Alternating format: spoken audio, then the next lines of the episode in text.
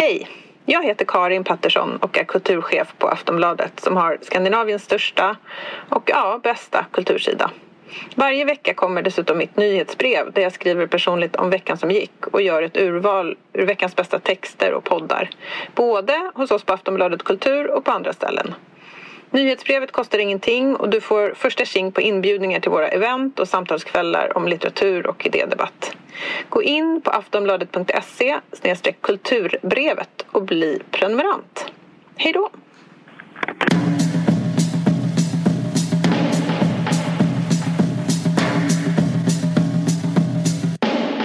Hej och välkomna till... Um, Hej och välkomna till en Vargsuccén-podd. Som görs i samarbete med Aftonbladet Kultur. Men du, jag tänkte fortsätta det... Um, jag vet att du inte kan hålla dig. Eller att du undrat. Mm -hmm. Vad? Följetongen. Vilken följetong? Äh, vilken av alla? Kardashians. Kardashians. Ja. Mm. Vad har hänt med uh, röven? Jo, jag, är den kvar? Ja, nej, men, nej, men röven är, det är helt över. Alla vet att den kommer eh, bantas och huggas ner. Eh, det ska ju vara smal rövdvärgen. Och, och verkligen, det här, don't kill the messenger. Jag önskar, jag är bara en enkel poddare och budbärare av trender. Men, eh, jo, men det jag tänkte prata om, som du säkert känner till, är Khloe eh, mm. Kardashians mm. lilla intermezzo i veckan. eh, för jag tycker, alltså en sak om Kardashians är att eh, det kan eh, tyckas ytligt att jag pratar om dem, men jag försöker liksom göra det på ett sociologiskt sätt. Mm. Så att eh, det, försöker, det, det som har hänt nu är eh, en intressant grej. Att eh, det läckte en bild, och det här är så roligt. Mm. Eh, för du vet att det, var, det läckte en bild på, Kardashian, på Khloe Kardashian i en bikini. Mm. Där hon eh, inte har retuscherats mm. eller lagts. Eh, bilden har inte fått filtrerats och den har inte gått igenom Photoshop. Den bara liksom typ rakt upp och ner. Mm. Jag tycker det roliga är att det var hennes mormor. Jag tycker det är så kul att det kommer en sån gammal, så, en gammal mormor med, med, med har ett finger med i spelet och det är så äkta boomer att liksom förstöra och även liksom, är det någon som förstör, ja då, då kan man ge sig fan på att det är en boomer. Då är det en sån gammal mormor, alltså hennes gamla mormor som heter AZ eller något sånt där. MJ. Eller, MJ. MJ, ja, okej. MJ. Men hon ja, hade, men hade mormor postat den på nätet? I så fall är hon ju ändå ja. liksom duktig. För jag tror hon är liksom säkert Men Skulle hon inte mejla den egentligen? Tror du? Alltså, förstår vad jag menar? var, var det inte meningen att hon hade tänkt mejla den till en kompis och säga vilken fin bikini eller något sånt där. Det, det känns helt jättekonstigt. Kolla vad snygg kropp eh, Chloe har fått äntligen. Nu kan vi alla andas ut. Jag tror hon, jag tror hon skulle passa en kompis och säga så här. Jo men det går väl ändå helt okej okay för Chloe. Alltså hon... Eh, och det är klart att hon har några trivselkilon kvar va? Men vi får ändå, ja. du vet hur smal den mormor är. Hon är smalast i Kardashian-familjen. Alltså jag, eh, det är ju verkligen en bok. Alltså när man förstår vem, liksom den mormon som har liksom, hur blev Chris Chris? Det är ju uh. jätteintressant. Uh, Gud ja. En sån, ja, det är superintressant. Uh, ja, men i alla fall så fuckade hon upp den här mormon. Ja. så, och så la hon ut den här bilden. Jag tror att de flesta känner till den nu. Det är att hon står typ lutad och i bikini och så är det så här dåligt ljus. Um, och sen så hände då nästa steg i berättelsen. Chloe och hennes advokater försökte ta bort den från internet. Vilket är praktiskt taget omöjligt. För varje gång det var också fel, helt fel sätt. För det blir ju en nyhet. Så varje gång ja. man skulle prata om nyheten så postar man bilden. Men då har jag liksom ägnat, eh, sen sist vi pratade i den här podden, åt att um, forska på det här. Vad som, mm. what's, what's the story? Liksom, vad händer? Och uh, jag tycker det är intressant för att det finns liksom en, nästan en liksom en kan man säga så, entonig stämma. Alltså en enhällig kör. Jag, vet fan, jag menar att ja. alla tycker likadant. Samstämmig. Enstämmig. Ja. Samstämmig. Ja, precis. Enstämmig. Alla tyck ja. som tycker att Khloe Kardashian är löjlig mm. och dum. Mm. Och Vissa, mm, vissa tycker bara att hon är dum, typ jävla idiot. Och andra tycker typ så här, som en väldigt bra podd som jag följer, fan, eh, uh, Higher Learning heter den. Och det är Van Leyden och Rachel Lindsay. Det är en uh, podd om svart populärkultur kan man säga. De var så här otroligt eh, Eh, highbrow vad det gäller, alltså när de pratar om typ så här, BLM och George Floyd. Jag lyssnade väldigt mycket på dem förra våren och nu har de en så väldigt intressant samtal om det här. Och då säger hon, och de, är, de är typ så väldigt woke. Två så journalister som eh, eh, diskuterar de här frågorna och eh, Rachel Lindsay är typ väldigt woke och ändå så down med populärkultur. Eh, men hon var så här, eh, pratade väldigt mycket om att Chloe eh, hade ett ansvar Mm-hmm. Eh, och att, att hon inte tog det ansvaret är liksom shameful och det är därför hon tycker det här är en nyhet. För hon, där och då så hade hon ett momentum som är att säga eh, för det första inte bry sig om bilden och för det andra var så här, ja men den här eh, jag står för den här, de här trivselkilorna och jag, jag tycker att jag är vacker som jag är. Jag tycker att eh, skönhetsidealen är fel. Eh, och sådär. För grejen, det som, det som hände efter Chloe fick den här, det här var bara lite, det här kanske var en promille av den massiva kritik hon fick för att hon ville ta ner bilden.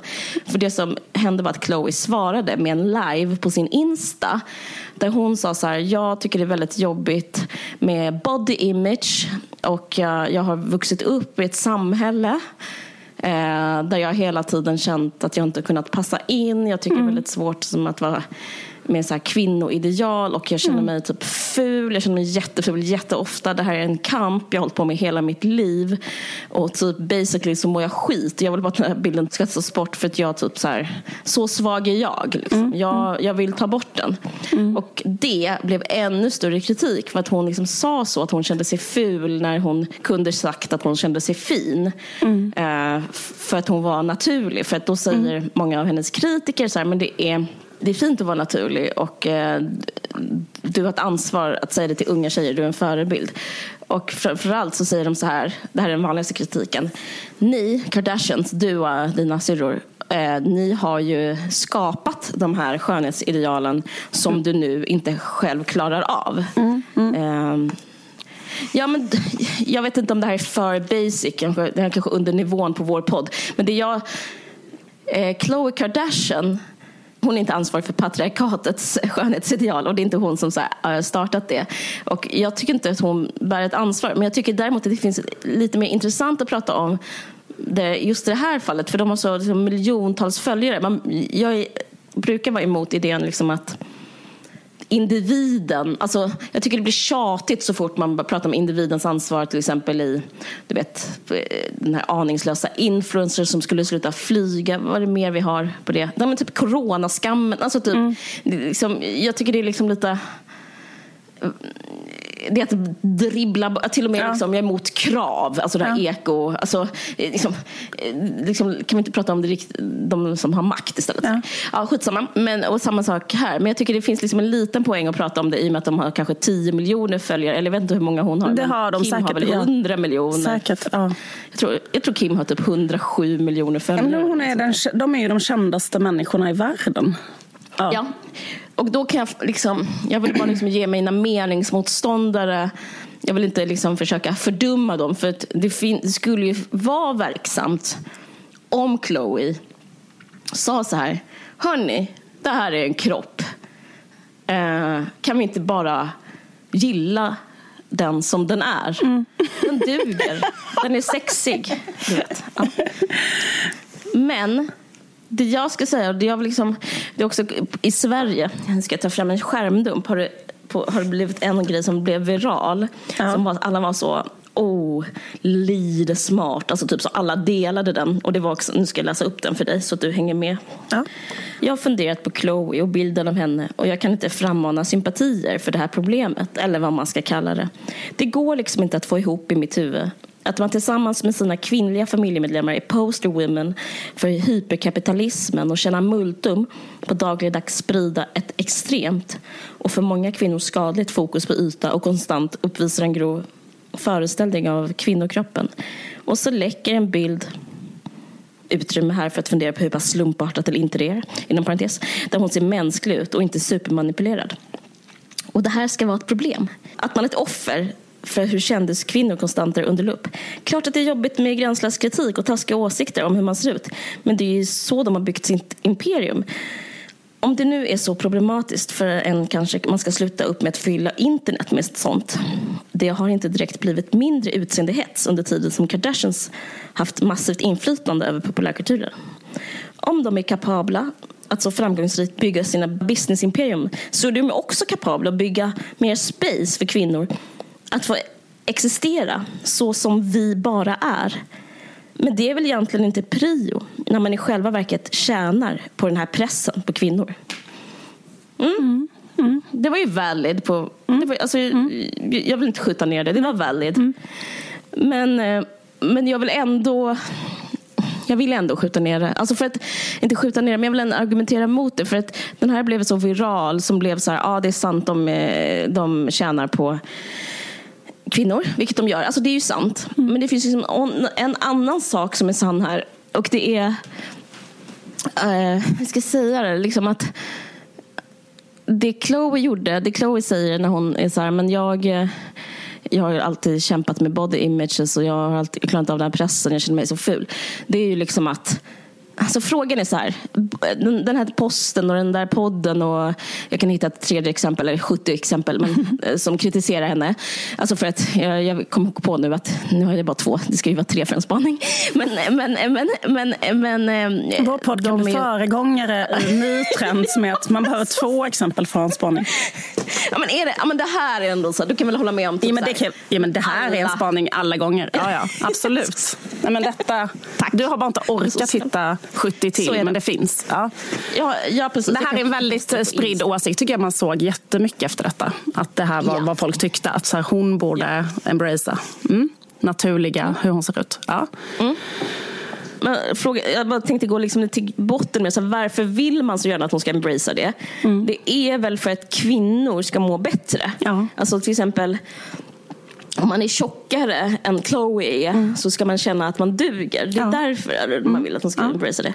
Men om man nu ska liksom ha den eh, den, den målsättningen med Chloes värv mm. så skulle jag säga, jag skulle bara be alla hennes kritiker tänka ett varv till. För att jag tycker att det hon gör när hon säger jag mår skit och mm. jag är ful. Mm. Jag tycker det är mycket modigare än att eh, ljuga om eh, body positiveness som den här eh, jättekreddiga framgångsrika poddaren pratar om att hon skulle göra till exempel. För att, liksom, för att då är det och jag vet att det här är liksom två skolor, men jag vill bara liksom återigen framhålla det. För jag tror ofta brukar prata om så poängen med svaga kvinnor. Men, men jag skulle säga att poängen här med att erkänna fulhet, eller inte mm. fulhet, erkänna känslan av att känna sig ful eh, avslöjar eh, att vi lever, alltså det är en gestaltning av den pressen som även eh, kroppspositiva rörelsen är emot. Alltså det hon, jag känner, alltså grejen att, och anledningen liksom ens tar upp det som ämne att jag kände mig hjälpt av henne. För jag känner mig också jätteful jätteofta, liksom nästan hela tiden. Och därför upplever jag att det finns, eh, och alla andra är så snygga. Till exempel tycker jag att Khloe Kardashian är så himla snygg. Och när hon sa att hon kände sig ful, att hon sa så här, men jag är inte alls nöjd med den bilden, du måste ta en ny. En grej som jag kanske säger eh, nio gånger av tio, mm. till exempel om min kille tar en bild på mig. Mm. Så känner jag en tröst som är liksom ett erkännande av att det finns liksom ett producerat och nästan regisserat ehm, eh, bildmedium.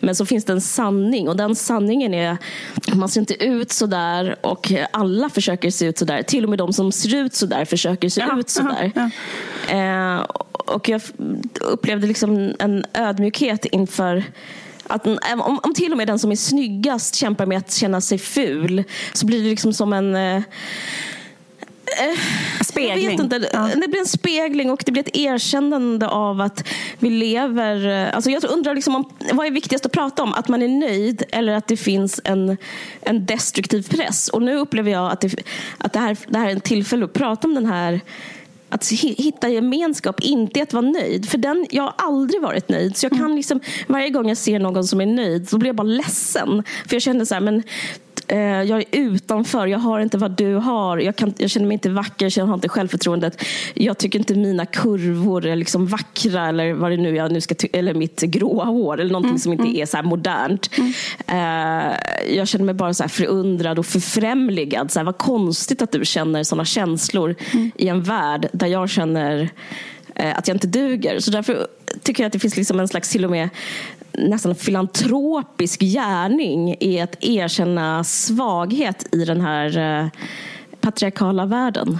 Jag pratade med en kvinna som jag känner som är eh, en äldre feminist och hon sa att hon eh, själv liksom så tvekade att vara med på tv för att hon eh, kände sig så ful som vill inte vara mm. i rutan. Liksom. Och så sa hon att hon tror att man ser så mycket färre kvinnor över eh, 55 eh, kanske i tv att de ofta inte är mm. med och hon trodde att det var att de tackade nej. Man pratar mycket om att kvinnor tackar nej till att vara med i tv.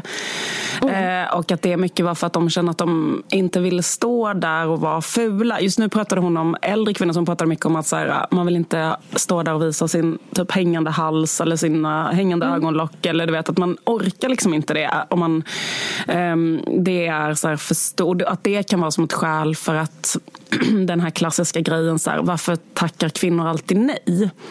Just det, det är superintressant. Ja, men nu finns ju, liksom, det här gör ju ett sånt samtal möjligt. Så ja. eh, varför tackar alltid kvinnor nej? Jo, för att de känner sig så som Khloe Kardashian känner sig. Eh, fast, alltså, det är ju inte sant för det och de borde ju vara med tycker jag till exempel. Eller typ så här, jag kan vara med eh, när jag har gått ner typ. Eh, ja. liksom eh, fem kilo typ. Men jag pratade med en jämnårig, var på en middag häromveckan. Inte för att sno Åsa Bäckman slash Benke Olssons setup för en artikel. Men jag var på en middag häromveckan och då sa min vän, ah, och här kommer det tredje exemplet, eh, som sa, eh, hon liksom mm, yngre än vad jag är. Men hon sa så här, men nej, nej, alltså jag har rakt av slutat. Eh, de ringer från morgonsoffan hela tiden. Eller så här, eh, SVT-studion. Eh, då vi satt faktiskt och pratade just om Khloe Kardashian.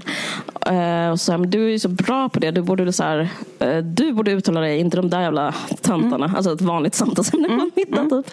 Och de sa jo men alltså de ringer men jag, uh, alltså, jag kan inte vara med med de här armarna. Typ. Jag, kan inte, jag vill inte visa mig i tv. Alltså, jag, jag, jag, jag, jag mår för dåligt flera veckor efter så det, mm. det går inte. Liksom.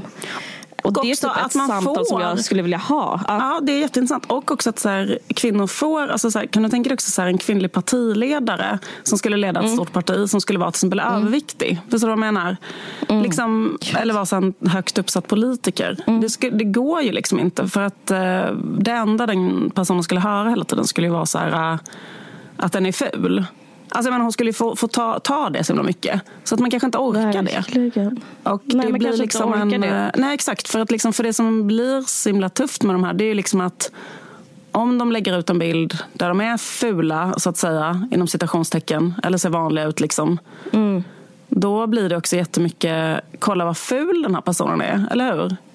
Alltså det, ja, det är mycket sån respons. Det är fel, jag vill verkligen säga så, så Sen det, det är det liksom, ja. och om de är jättesnygga så men, liksom, jag vet inte. För, men jag tänker som med Chloe, för det är nästan så självdestruktivt det hon håller på med. För att, finns det något mm. som är populärt? Jag tänker hon hade kunnat mm. ha en nisch i den familjen. Liksom. Alltså, jag, menar, en PR, jag är inte ens utbildad PR-agent, men jag skulle kunna säga det, att hennes sätt, äh, varför, hur hon skulle kunna ha en nisch i den familjen. Det är inte PR-agent heller. Förlåt. Vad sa du? Nej, jag är bättre. Jag, jag, menar, men, men, jag tror att nästan vem som helst skulle kunna se detta. Att så här, mm. hon hade kunnat... Du vet, det finns en influencer som heter Alexandra Nilsson, eh, som hette innan Kissy. Kommer du ihåg henne? Mm. Mm, absolut. Hon har börjat ha såna här... Eh, liksom, det finns ett sånt fenomen på internet, ett sånt body positivity-skola. Typ att hon gör så här.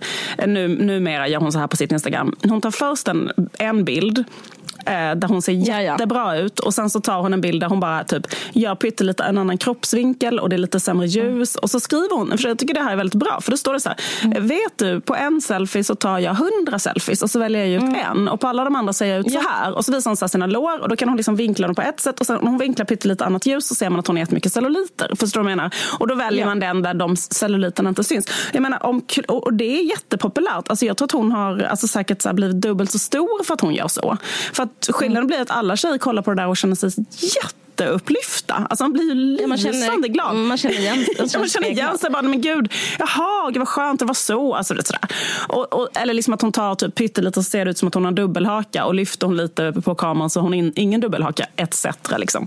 Att det här är så här, handlar väldigt mycket om fototeknik och ljus och sånt. Liksom. Men jag menar, det som hon, om Chloe hade gjort till exempel sådana bilder då hade hon ju blivit eh, kändare än eh, Barack Obama. Alltså hon hade liksom blivit mm. eh, nästa första kvinnliga president. Nej, men alltså, så att jag menar, men jag menar, det, det jag menar att hon är... har gjort det. Att hon har gjort det just nu. Alltså det här är att hon har gjort det. Att hon är så här, jag tar, jag, det, det, här är en sån här bild, men jag vill se ut så här när jag lägger ut bilder.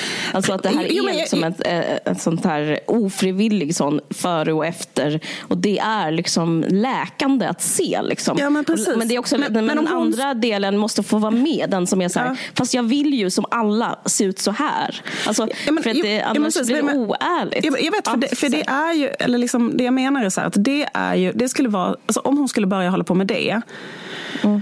Så jag tror att hon skulle bli mycket, mycket mer älskad. För nu hatar ju alla henne. För att det finns ingen som gillar heller en sån jätteplastikopererad suddig person på långt avstånd. Sådana bilder hon publicerar nu. Där man ser att hon är så här mm. jättefacetuned och sådär. Man kan inte relatera till henne. Man känner ingenting för henne. Alltså, vet, det blir liksom en distans. Mm. Det blir så här, och det kan jag känna igen mig alltså, Det finns någonting med att vara en så himla snygg kvinna. Det är också så här, det skapar också en konstig distans till andra människor. För att man måste vara väldigt kontrollerad hela tiden. Alltså, det är någonting väldigt så här, men hon vill det så mycket så att hon betalar vilket pris den kostar. Till exempel nu har det kostat henne all hennes likability.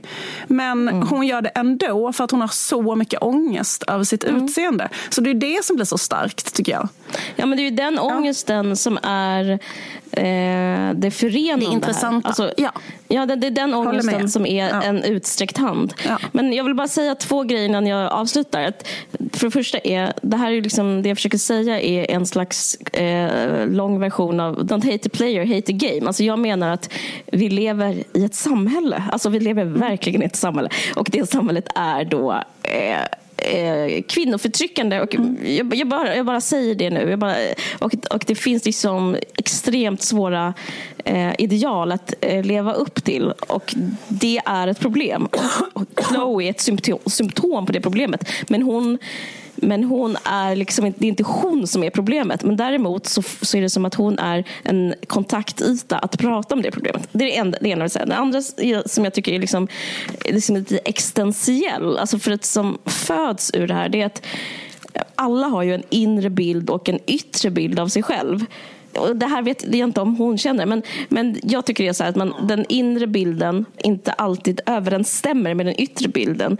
Och liksom den inre bilden Khloe Kardashians inre bild, den kanske är som, som ett sån, en sån gammal risigt, jag vet inte, en gammal liksom nästan eh, ett gammalt troll. Mm. Alltså förstår du, det är kanske är så hon känner sig på insidan. Mm. Medan liksom den yttre bilden är, som du säger, eh, en så här eh, lyckad person i ett strandbryn. Men hon liksom...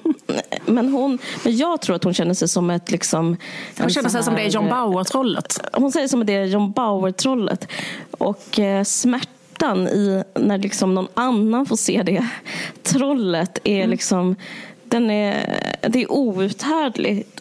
Och... Eh, Och, vet du, och så tror jag liksom alla känner sig. Och nu är det som att hon visar, vad ska man säga? Nu visar hon att de här känslorna finns i att ha ett utseende. Och jag tycker det är spännande. För så här tycker jag, att känna sig som det trollet och sen så träffa några kompisar som säger att du är jättesöt, du är jättesnygg. Så det är som att det ändå så här Eh, de känslorna att vara det på insidan det trollet, de finns. Och det är liksom, jag, jag tycker det finns en feministisk gärning i att bara säga Vet ni, så här är det att vara kvinna. Det är att känna sig som det trollet. Och eh, jag, jag kunde inte sagt det bättre själv. Eh, och så jag vill typ tacka henne för det. Ja, det var det. Mm. Ja. Mic drop. Skämta. Ja. Bra.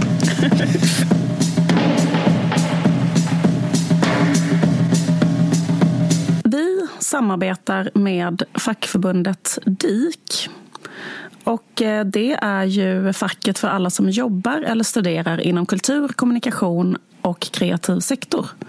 Mm. DIK arbetar för schysstare arbetsvillkor och i medlemskapet ingår bland annat inkomstförsäkring, personlig lönecoach, karriärcoach och arbetsrättsligt stöd.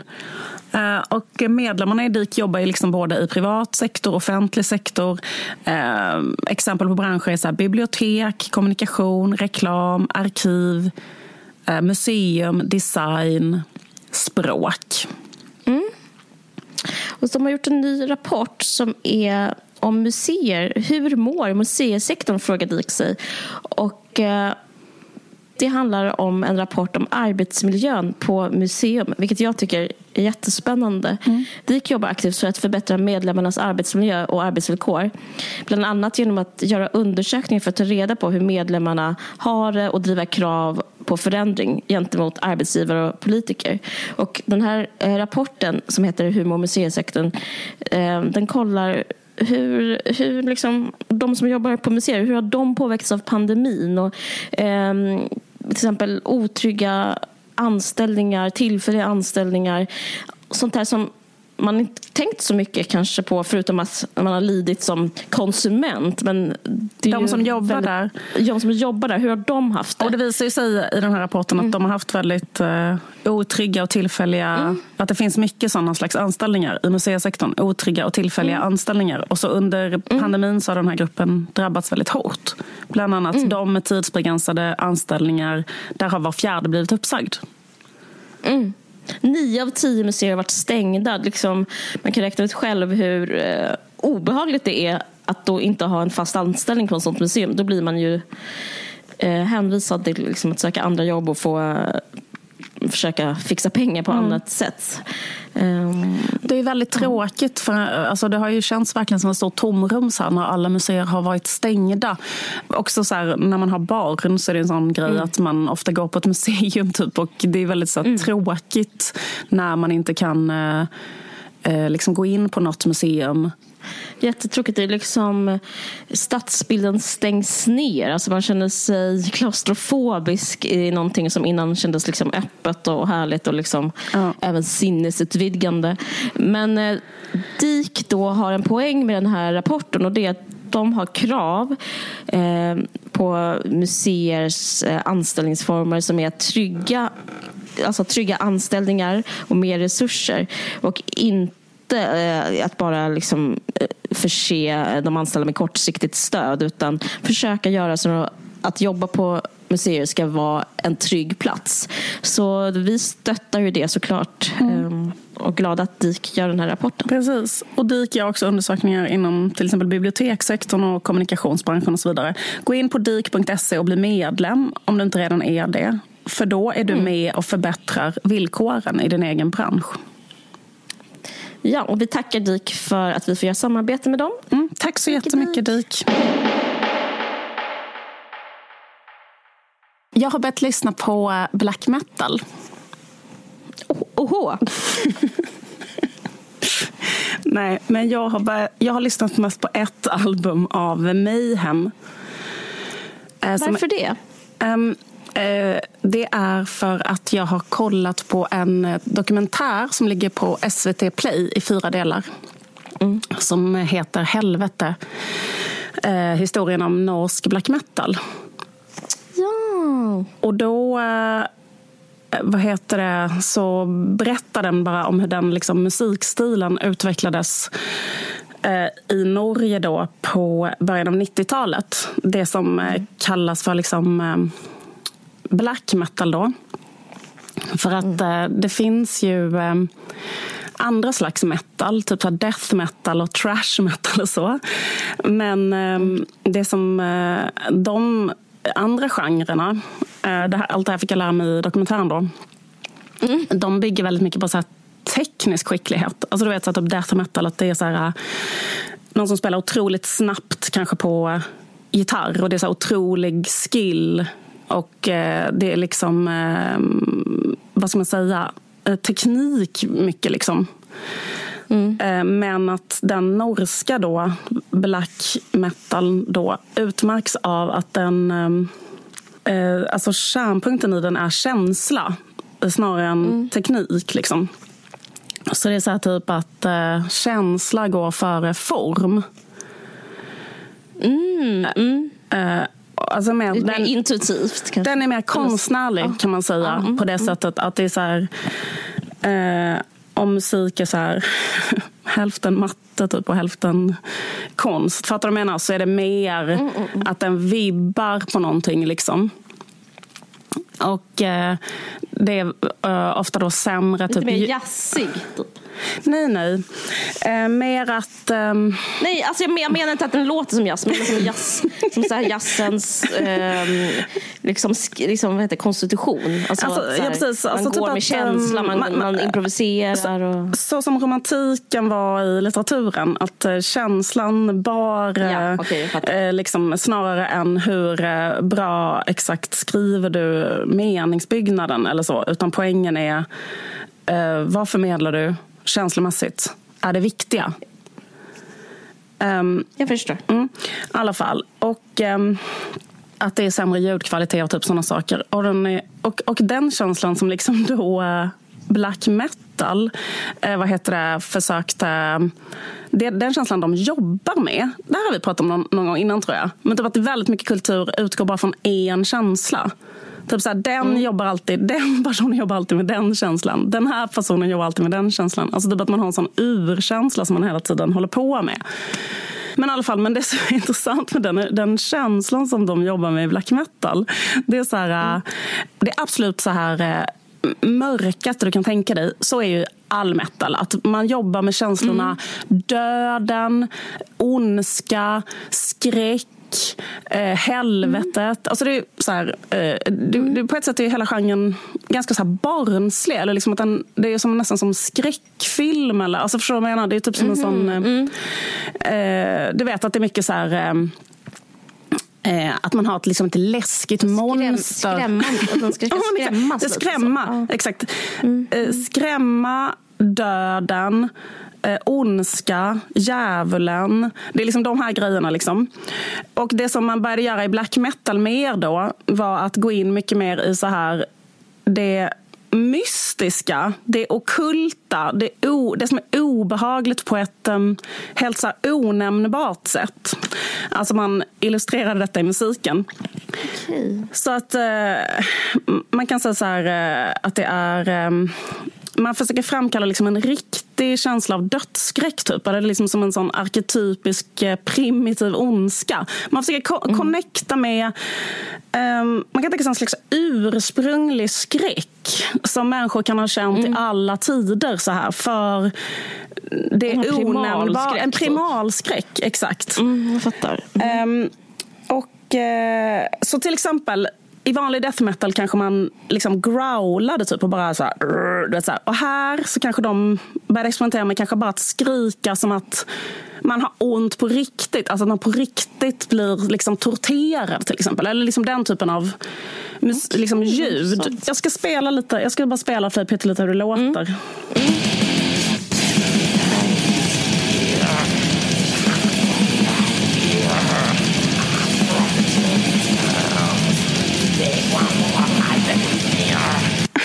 Hörde du?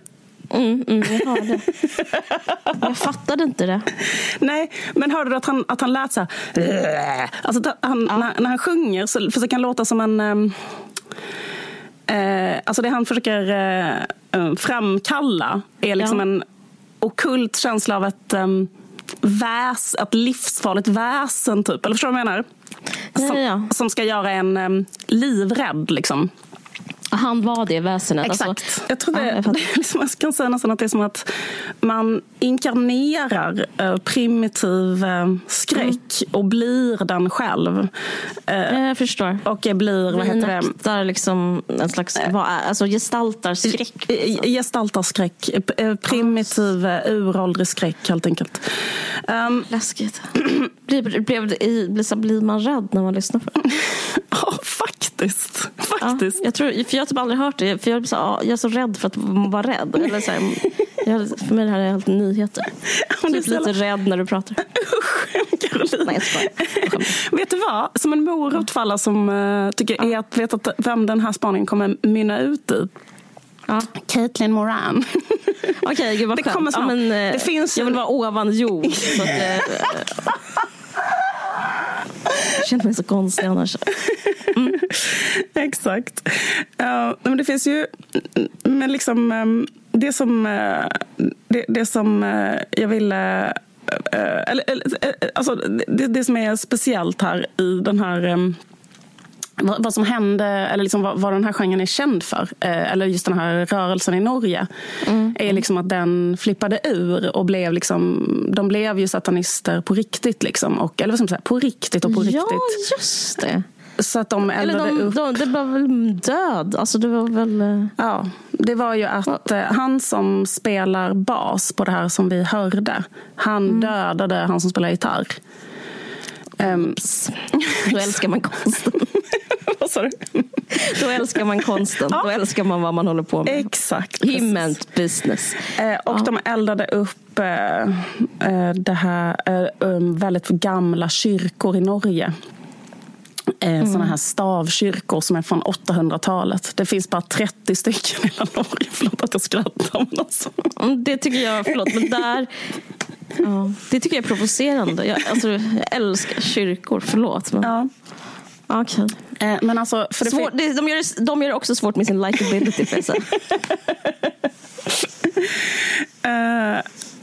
sångaren som skrev många av de här texterna på den här skivan som jag lyssnade på. Den här skivan eh, som jag har lyssnat mest på heter eh, De Mysteries Dom Satanis. Men i alla fall, och då... Eh, eh, han, eh, han som har skrivit många av de här texterna är en svensk kille som eh, eh, hette Per-Yngve Olin, men han eh, hade artistnamnet Dead.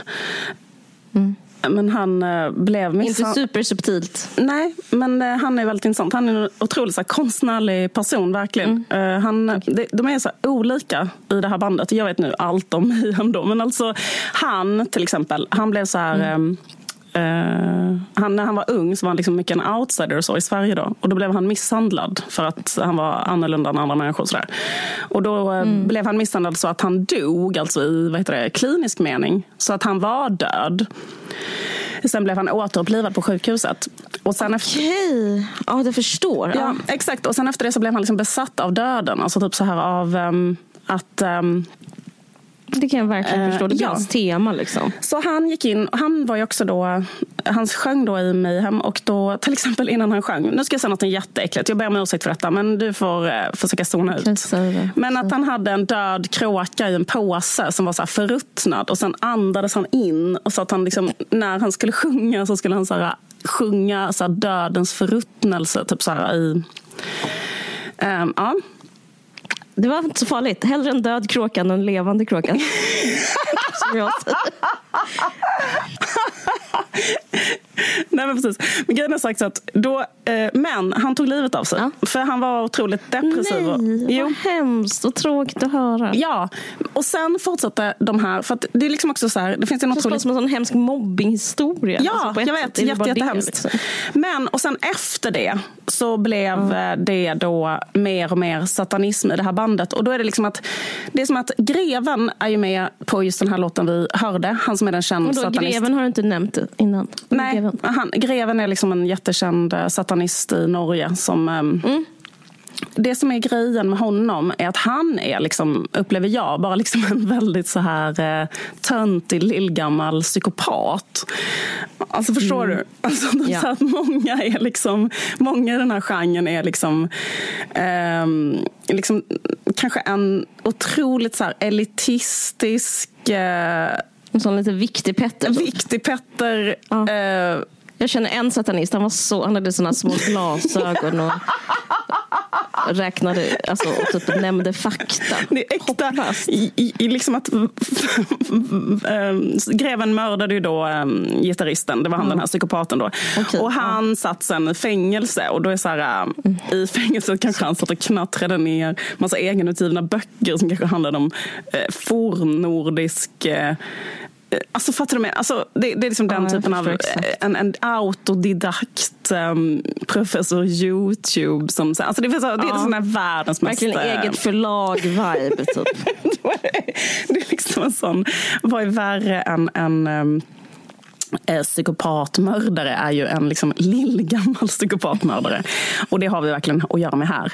Eh, så han är Ja. ju så. Sen finns det eh, han den här Eronimus som alltså heter Östein egentligen. Och han kom från liksom en högborgerlig familj. Och eh, han blev mördad. Men han var också så otroligt övertygad satanist då. Och var också förmodligen med och brände de här kyrkorna och så. Men sen blev de två ovänner. Men det som är poängen är i alla fall att alla, när man tittar också på alla. Och sen finns det några helt normala. Som är en som är min favorit som är Necro Butcher. Basisten som kanske är världens trevligaste människa. Som bara är så jävla normal genom alltihop detta. För det är nästan så här sålla agnarna från vetet. För jag tycker inte alls det är konstigt att människor blir satanister eller råkar hamna i en extremistisk grupp. För det har jag full förståelse för. För så är människor. Och det handlar om slumpen och sen liksom that's life. Att det kan hamna, det kan bli så. Ja. Men det finns verkligen få människor som där och då bara kan här, se på det nyktert och ta ett steg bort från det. Och det gjorde han. Han var den enda som reagerade mänskligt och normalt. Han var typ den enda som inte radikaliserades. Ja, han, ja, alltså han slutade bara så fort han märkte bara att... ja. Ja, exakt. Sen så började han igen efter de här morden och så. Nu spelar han i bandet igen för att han är ju en väldigt bra musiker. Men jag bara menar att vissa människor em, klarar av det på ett jävligt beundransvärt sätt. Att inte dras med i en sån em, sekt liksom. Det är coolt tycker jag. Verkligen. men, eh, men hur som helst, det som jag tänkte på liksom att mot ba- alltså det som är bakgrunden till hela den här konstiga kulturella utvecklingen i Norge under 90-talet när det här växte fram. Det är att det är liksom så jävla präktigt. Alltså, det, det är så loll. Jag tänkte nästan ta så skärmdumpar genom hela dokumentären på vilka miljöer de sitter i. För att alla sitter i en hytta. Alltså alla har så så träpanel. sjukt. Och all, jättemånga blir intervjuade utomhus. Det ser jättepräktiga, vackra naturmiljöer med så här, kanske sti- tröjor som deras mamma har stickat och så. Och allt runt omkring dem är liksom, det är som, eh, det är ju liksom, Norge är ju så rikt och välmående på 90-talet så det, är ju liksom, det går ju inte att beskriva något mer nej. välfungerande samhälle i princip. Det finns inga problem i, i Norge. Alltså, det finns Det bara ull och olja och Ja. liksom Det- källvatten. Alltså nej, jag vet. Nej, det är så. alltså, det är så här, alla, a- alla har det är så det så- kul. Till och med invandrare i Norge har, varsin, har en hytte. Alltså, det, är så, det är så präktigt. Det är så helt präktigt. sjukt. Och- Men i den präktigheten, så allting är hurtigt, allting är käckt, allting är positivt. Det är inte väldigt kristet också. Jo. Förlåt, nu avbröt jag dig. Fuck, förlåt. Nej, det går jättebra. Jag tycker du får avbryta. Jag vill att du gör Okej, det. jag försöker eh, hålla igen lite. Men, okej. men det finns väl också mm, få personer känner till liksom att det är, väl, det är liksom kristet på ett helt annat sätt än i Sverige. Alltså Ja. Det är liksom, finns en utbredd um, liksom, eh, frikyrklig... Eh, alltså vissa, det finns liksom vissa öar i Norge som bara helt... Eh, alla är nykterister och eh, de är jätte, jättetroende. Precis. Men det finns någonting med den här då liksom hurtiga, eh, hurtiga, käcka, positiva, kristna eh, friluftsgrejen. Också vi som har läst, för, för till exempel han den här Öystein då som blev satanist, som växte upp i så otroligt präktigt högborgerligt hem. För, för eh, de berättade om honom så att de hade alltid söndagsmiddag. Och, alltså, han, liksom det var som att... Eh, Och och han du gillade nu? Eller? Eh, nej, inte han som jag gillade. Utan hans, eh, det här var han som blev mördad sedermera. Men han var en ledare kan man säga för hela rörelsen. Han var som en kulturman. En otroligt elitistisk... Eh, liksom, förstår du vad jag menar? Som en kille som vill vara så extrem som möjligt och gör det till en liksom, vi har alla träffat här killar, så därför speciellt på 90-talet. Men nu undrar jag om de är utdöda. Men jag känner igen den här killtypen som att det är liksom... Alltså, jag menar, det, det, finns, det är som att vara i skogen och träden. Alltså, så många såna killar som jag har träffat. Alltså, nej, men så här, en kille som vet en kille som har bestämt vad som är rätt, eh, vad som är coolt. Ja, men Alltså, en vet- liten alfa typ, eller? Ja, exakt. Som är också sån kanske lite nördig. Han var jätteduktig i skolan, han är som jätteintelligent. Och jätte, men han ägnar all sin intelligens åt att eh, dyrka Satan. Förstår du vad jag menar? Alltså, han har Jag liksom, fattar. Ja. Ehm, och var så Jag tror att det är din och min killsmak också. Så kan det bli typ extra många sådana. Om förstår vad jag menar? Typ är någon som är så jättesmart och lite så alternative. Och så är de så... Ja, leder. Ja. Men nu som äldre så skulle jag ha valt um, basisten och den normala. Men i alla fall. Ja, okay. Efter all denna. Skryt lagom. Nej, vi vet alla vem du hade valt innan. Vi har ju läst eh, Vigdis Hjort också, en annan norsk eh, människa som skildrar Norge. Förutom den här låten som också skildrade Norge, som vi lyssnade på innan. Men liksom att... Eh, men fattar du vad jag menar? Vigdis känslor eh, för sin familj liknar ju... Alltså, lite ja, det är sant. Ja, att jag tänkte faktiskt osökt på Knaus Ja, Knausgård. Knausgård. han är så, menar, gud, jag ja. pallar inte. Nej. Jag måste röka typ. Absolut. Måste röka för det är så himla jobb, det är så jobbigt att vara check och positiv. Förtryckt av den här liksom präktigheten. I den eh, högborgerliga, extremt eh, präktiga, så att säga problemfria, där man liksom förbjuder negativitet. Det är också så i kristendomen då, att man liksom på ett sätt förvisar liksom ondska, destruktivitet, um, kanske ångest, oro, bara uh, Mm. Liksom, man är väldigt oholistisk. Man vill kom, kom, ja. Vad heter det när man kom, alltså man, kom, man ska dela upp allting. Compartment, compartmentalizing, tror jag. Com, skitsamma. Man liksom eh, delar upp det i olika fack. En, finns... Ett fack för ondska, en fack, oh. istället för att vara så här, jag är en hel människa med ondska och godhet. Exakt, så de har kanske, liksom, det blir väldigt mycket sådär, det finns, det finns rätt och det finns fel, det finns gott och det finns ont, och det finns liksom Jesus, det finns Satan. Och då helt plötsligt är de så här, ja men då tar vi Satan. Liksom. Alltså, det går att se det så här, om man vill. Eh, sen eh, kan det finnas en massa andra förklaringar, men jag bara menar att det finns någonting i den här liksom, eh, Norge på den tiden, där man på något sätt kan liksom förstå lite varför man helt plötsligt bara vill elda upp den här facken stavkyrkan. Fattar du vad jag menar? Mm. För att man mm. hatar den så mycket och att de eh, går runt där på tur. Och det finns liksom en sån typ av Aldrig primal aggressivitet som inte eh, och destruktivitet och, och, eh, som inte då liksom, eh, vad heter det, får plats. Och, och därför för in mig då på min på, en annan käpphäst som vi har faktiskt haft lite grann här i podden, nämligen käpphästen Freud hade rätt. Mm. Freud, nej men alltså för, att, för att Freud började skriva om dödsdriften. Eh, mm. Efter att han hade börjat skriva om livsdriften. Och vet du vad? För att först så trodde han att alla mänskliga handlingar kunde på något sätt förklaras utifrån att man vill undvika obehag och man vill ha det gött. Liksom typ så att det vi vill, alltså så att vi, vi söker oss till saker som vi får belöningar av och vi aktar oss för saker som var obehagliga. Liksom så kan man förklara mycket så här, djurs beteende och människors beteende. Och så där. Sen började han märka efter ett antal års praktik att så här, nej, så är det inte. Utan människor beter sig jätteofta. Um, det, det, som är, alltså för det första kallade han för um, livsdriften eller eros. Det är så här, man vill ha sex och det är för att man ska få avkomlingar. Alltså allt det här. Men sen så märkte han eh, att eh, efter ett tag att det finns en annan. Faktum är att det var en kvinna som kom på dödsdriften från början. Förlåt att jag är feminist. Men alltså, det var så här, eh, när jag läste om detta så var det en, en kvinna som heter Sabina Spielrein som han också nämner i sin text. Så han creddar henne. Liksom. Men jag tyckte det var så himla typiskt att det är självklart att en kvinna har upptäckt dödsdriften. För att det är så jävla feminint liksom, att ha en dödsdrift. liksom verkligen så här, så bara, ingen kvinna har någonsin agerat så. Jag ska söka upp det som ger mig njutning och undvika obehag. Alla kvinnor agerar alltid Nej. så här. Helt så här. Det är liksom så här. Du så här. Exakt. Ja men visst, visst.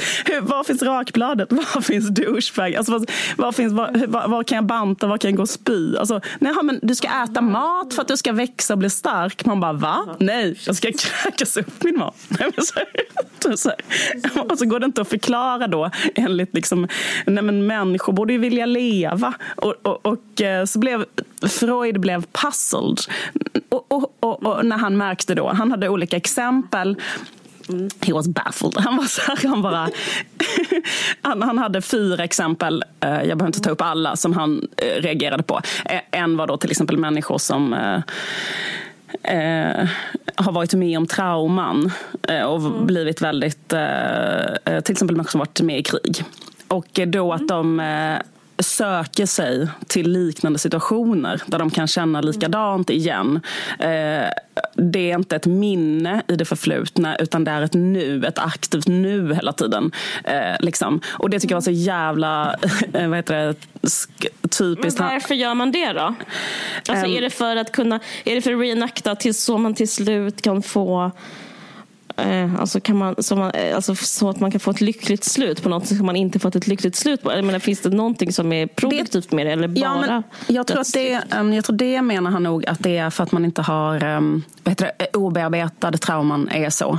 Det är ju mm. väldigt klassisk psykologi ja. idag. Men det är faktiskt någon som har kommit på det och det var hon. Nej, det var kanske inte hon. Nej, men, alltså, men, men, men det var ändå de här tankarna. Nej, men jag bara menar, finns det en poäng med dödsdriften som är... Ja, alltså, jag kan komma till det. Är, eh, precis, eh, exakt. Nej, men alltså för att han menade ju att om man inte bearbetade till exempel ett trauma så var man mm. kvar i det hela tiden och gjorde hela tiden samma sak. Det är jättekänt. Kanske man har blivit mm. sexuellt utnyttjad så letar man upp andra människor som utnyttjar en sexuellt. Alltså typ bara för att, mm. så här, och det är inte rationellt för det är så här, men nu är det över. Nu behöver du inte längre bli sexuellt utnyttjad. Men då kanske man eh, eh liksom, eh, alltså det, det, det, var ett exempel. Och eh, och, eh, och det tänker jag på med den här eh, Dead, då den här sångaren mm. som blev mm. dödad nästan och sen tog livet av sig själv. Alltså typ att, ehm, mm. Att man liksom, och att han var i det här eh, traumat, att det inte var ett minne utan det var ett nu, att vara dödad på något sätt. Alltså, och när han skrev mm. sina texter och så. Mm. Han har skrivit en text faktiskt som ehm, mm. eh, där eh, han sjunger hela tiden så här Eh, the past is alive. Det är bara sånt konstigt, konstigt, konstigt ursprungligt vrål. Och sen är det bara så här, the past is alive. Och sen är det bara sånt maniskt obehaglig musik som bara pågår och pågår och pågår och pågår. Och pågår. Alltså så som att man är fast i en sån loop där det finns ingen dåtid, ingen framtid. Det är bara så här... Usch vad obehagligt. Ja, förlåt. Nej, det gör ingenting. Det gör ingenting. Jag Uh, hur som helst. En annan sak var, liksom, det är så LOL med Freud. Ett annat exempel som han hade med dödsdriften var att han hade observerat sitt barnbarn som var ett och ett halvt som kastade bort en leksak och sa den är borta och så började barn, barnet gråta. Och sen så hittade den och så blev han glad. Och sen direkt kastade han iväg den igen och var så här, nu är den borta. Och, sen så, och, det, och, det, och då frågade sig Freud, varför plågar sig barnet sig själv på det här sättet? Ja, vad intressant. Slutsats, dödsdriften. Um, i alla fall, så han menar liksom att det finns två parallella drivkrafter som människor har. En är livsdriften och en är dödsdriften. Och um, dödsdrift... Förlåt, jag ja. måste fråga, sexdriften, mm. är det, den är i... Ja, den är i livsdriften. Han kallar den för eros faktiskt. Så det är typ libidot. Det kan man ju säga libidinal energi. Uh, ja, som är liksom... Keeps us going. Ja, det är liksom en slags... Och, men det finns också då en energi som är dödsdrift. Och det är mm, också en mm. energi. Liksom. Um, mm. Och den är också så här, aggressivitet mot mm. andra, att eh, destruera saker. Att, eh, men också kanske, alltså om den inte... Alltså den kan riktas utåt menar han. Livsdriften försöker putta ut den från jaget så att den inte ska vara självdestruktiv. Liksom. Ja, fan vad intressant. Och när... Jag som gått till psykolog, psyk, hos en mm. psykolog, jag ska bara en snabb, en snabb avbrytning. Att, eh, då så var ett av mina problem, det här var länge sedan så jag kan mm. prata om det, så var ett av mina problem, det var efter ett uh, breakup, att jag inte kunde bli arg. Och då var liksom en, en del av behandlingen var så här, du måste hitta aggressivitet för att gå vidare, för att gå framåt. För att typ din aggressivitet om du, om du inte liksom aktiverar aggressiviteten, alltså, som är en kraft, så vänder du den inåt och då, då blir det destruktivt. Mm. Att det blir liksom, då, blir du, då kommer aggressiviteten bli depression istället.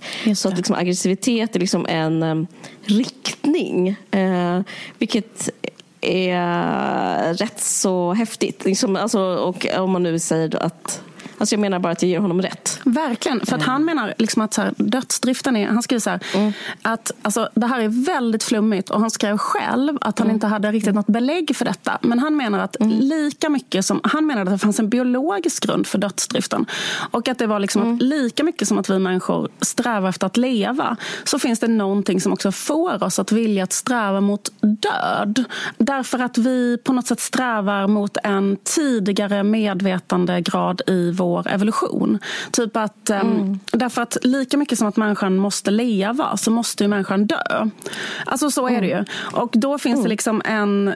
Alltså dödsdriftens funktion är att assure that the organism shall follow its own path to death, skriver han.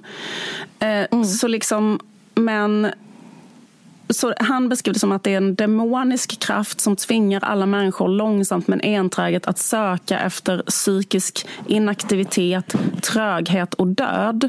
Men för, och det är nästan depression. Men för att betvinga det så kan man rikta det utåt. Och det är då man liksom...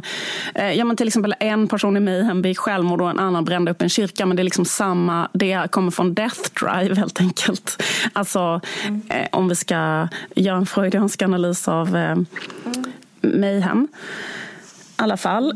Människor som lyssnar på den här musiken blir liksom... Eh, vad heter det? Känner en spegling i um, en känsla av uh, vad heter det, att man kan liksom på något sätt bemästra och spegla och um, kanske nästan lite grann så ta kontroll över uh, de här känslorna. Liksom. Vilket gör så här, metal överhuvudtaget är väldigt extremt populärt. Liksom. Mm. Um, så jag menar liksom att det finns någonting med att acceptera en form av uh, destruktivitet, eller mörker, eller aggressivitet eller negativitet som är, liksom är um, kanske, kanske nästan att man måste göra det. Om man ska vara freudian, för att han var ju inne på sådana saker. Mm. Om man ska förvisa all negativitet från till exempel ett samhälle så eh, är det lätt att det blir bara liksom uh, ännu värre. Nej, men typ. Nej, men verkligen. Ja. verkligen. Jag tycker det är applicable för jag pratar det jag sa om Chloe ja. också. Alltså det blir liksom inte... Um, det är inte sant. Alltså, Nej. Och det är en mardröm för kvinnor. Eh, ja. Att eh, man ska liksom tvinga bort, alltså att negativitet och negativa tankar och dödsdriften inte ska vara vad heter det, accepterad del av, av vår mänsklighet. Utan vi ska bara mm. inkarnera oss som någonting positivt. En annan eh, kulturyttring som jag har tagit del av är att jag har läst Caitlin Morans nya bok Mer än en kvinna. Och hon är Caitlin Moran, kanske hon heter. Men hon är liksom en uh, brittisk uh, känd feminist. Krönikör. Krönikör, exakt. Mm. Jag tycker så himla synd om henne därför att um, hon har så jävla dålig svensk översättare. Alltså det är fan så jävla tragiskt. Åh, oh, hemskt. Jag vill inte... Läser du på svenska? Oh, Gud alltså. Det är så jävla sjukt. Läs på engelska. Ja, men jag bara tänker liksom att det är så konstigt därför att hennes språk mm. är ju, för det, liksom, det är ju meningen, hon är så rolig och väldigt grov och drastisk och så. Och sen är det översatt. Vänta jag ska läsa en bit för dig hur det låter oh, i svensk översättning. Det är det värsta jag vet. Eh, det, det, den, den, här boken är liksom en slags så råd ska man säga, till medelålders. Det är så här, en hyllning till medelålders kvinnor. Jag tycker det är så kul också, för hon är liksom 45. Hon är så två år äldre än mig. Och man bara, medelålders? Sinnessjukt. I alla fall. Um, men i alla fall, jag ska bara läsa till exempel hur det låter i hennes stackars uh, översättning. Då. Gift dig inte med en skithög. Det spelar ingen roll hur många Alltså, det här är bra råd, men man måste dechiffrera råden bakom det här sinnessjuka språket. Liksom detta. Det, spelar ingen roll, det spelar ingen roll hur många akademiska examina du tar, hur många företag du bygger från grunden. Du är rökt i alla fall om du går och gängar dig med en självömkande snubbe som inte är något vidare på att svara på sms, som ballar ur när de får barn, som inte använder tvättmaskinen eftersom hen är helt rudis på sånt och alltid måste ut med polarna på helgen för att koppla av. Men gud! ja. Det här är ett scoop. Det är, sånt, eh, sån, det är ett scoop. Alltså, det är för dåligt. Nej, det, det här är ett scoop. Men alltså, alltså det, jag vill typ skicka ett mejl till henne. Den här översättningen är liksom... otroligt dålig. Ja. Det är så här, gift dig inte med en skithög. Men det är så här, skithög. Ingen säger skithög. Nej, du måste skriva gift dig inte med ett rövhål. Så det är så här, gift dig inte med ett rövhål.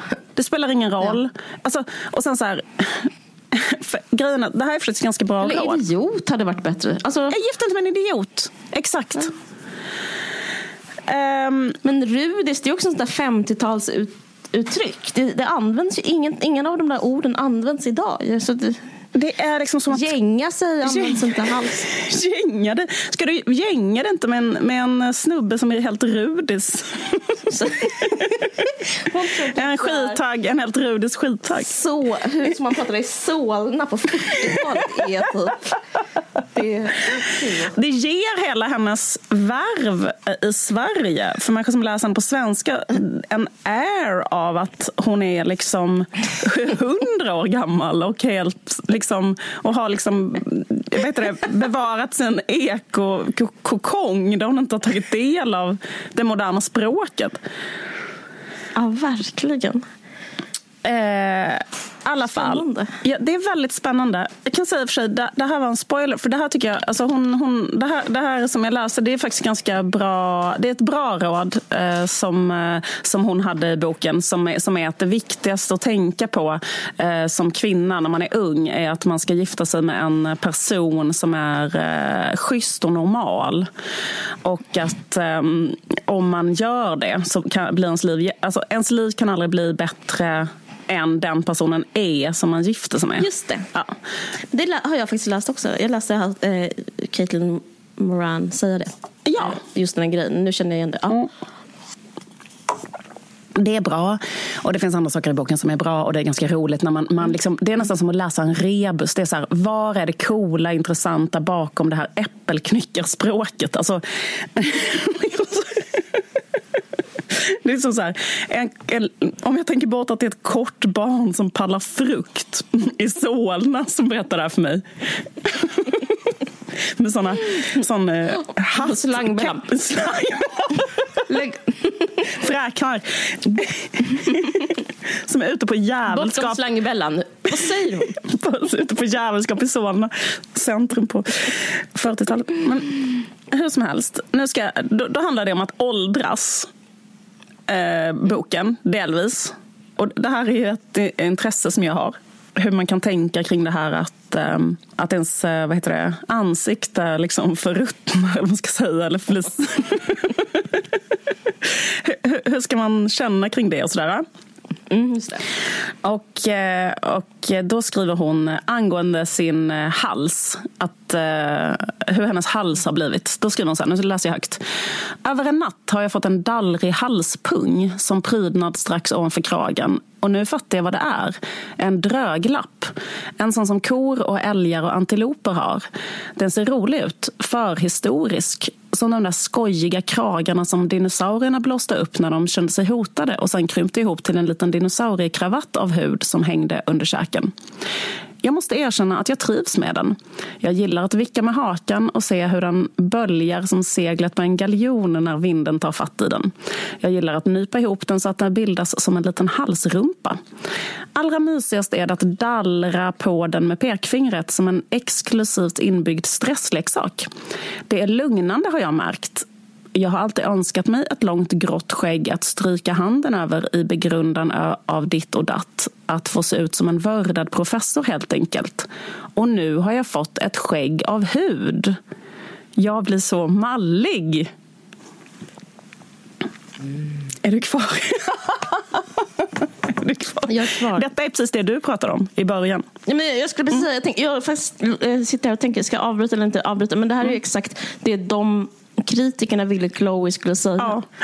Vad skönt, nu har jag lite fett och celluliter jag kan samla regndroppar i. Eller vad det nu man ska hitta. Ja. Gud vad sjukt. Ja. Men gud vad konstigt. Men, eh, men en annan tanke är så att hon kan inte vara singel. Eller? Nej, det är hon inte.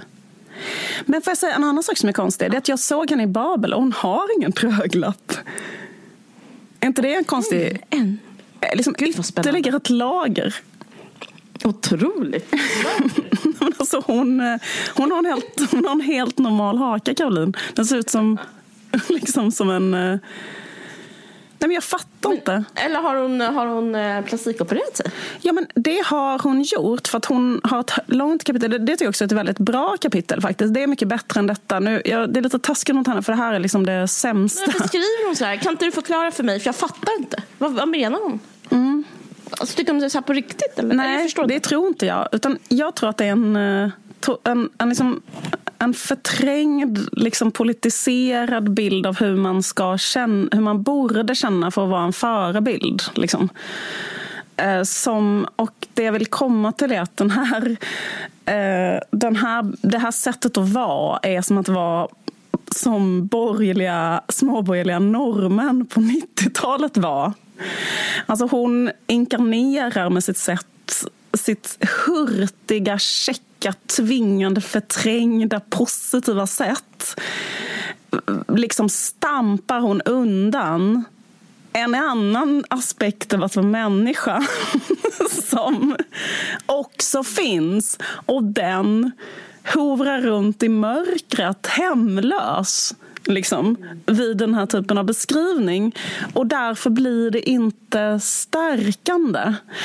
Utan det blir eh, bara väldigt... Eh, det känns nästan förtryckande. Alltså, jag vet inte riktigt hur jag ska beskriva det. Men det är liksom det du, alltså, jag menar det du pratade om innan. Att det blir så här... eh, Alltså det, Det det, är dubbelt förtryck. Jag tycker det är dubbel bestraffning. Ja. Dels att ha en sån där haka. det roliga är att hon har ju att inte få känna så. Att inte få känna att det är att det är en, ett steg närmare döden och att det inte är, och att man liksom är utanför skönhetsideal. Att man liksom borträknad. Hon, Ja, och att vara borträknad. Det är så många Ja, men- lager här. Och, och i hennes fall är det också det här lagret.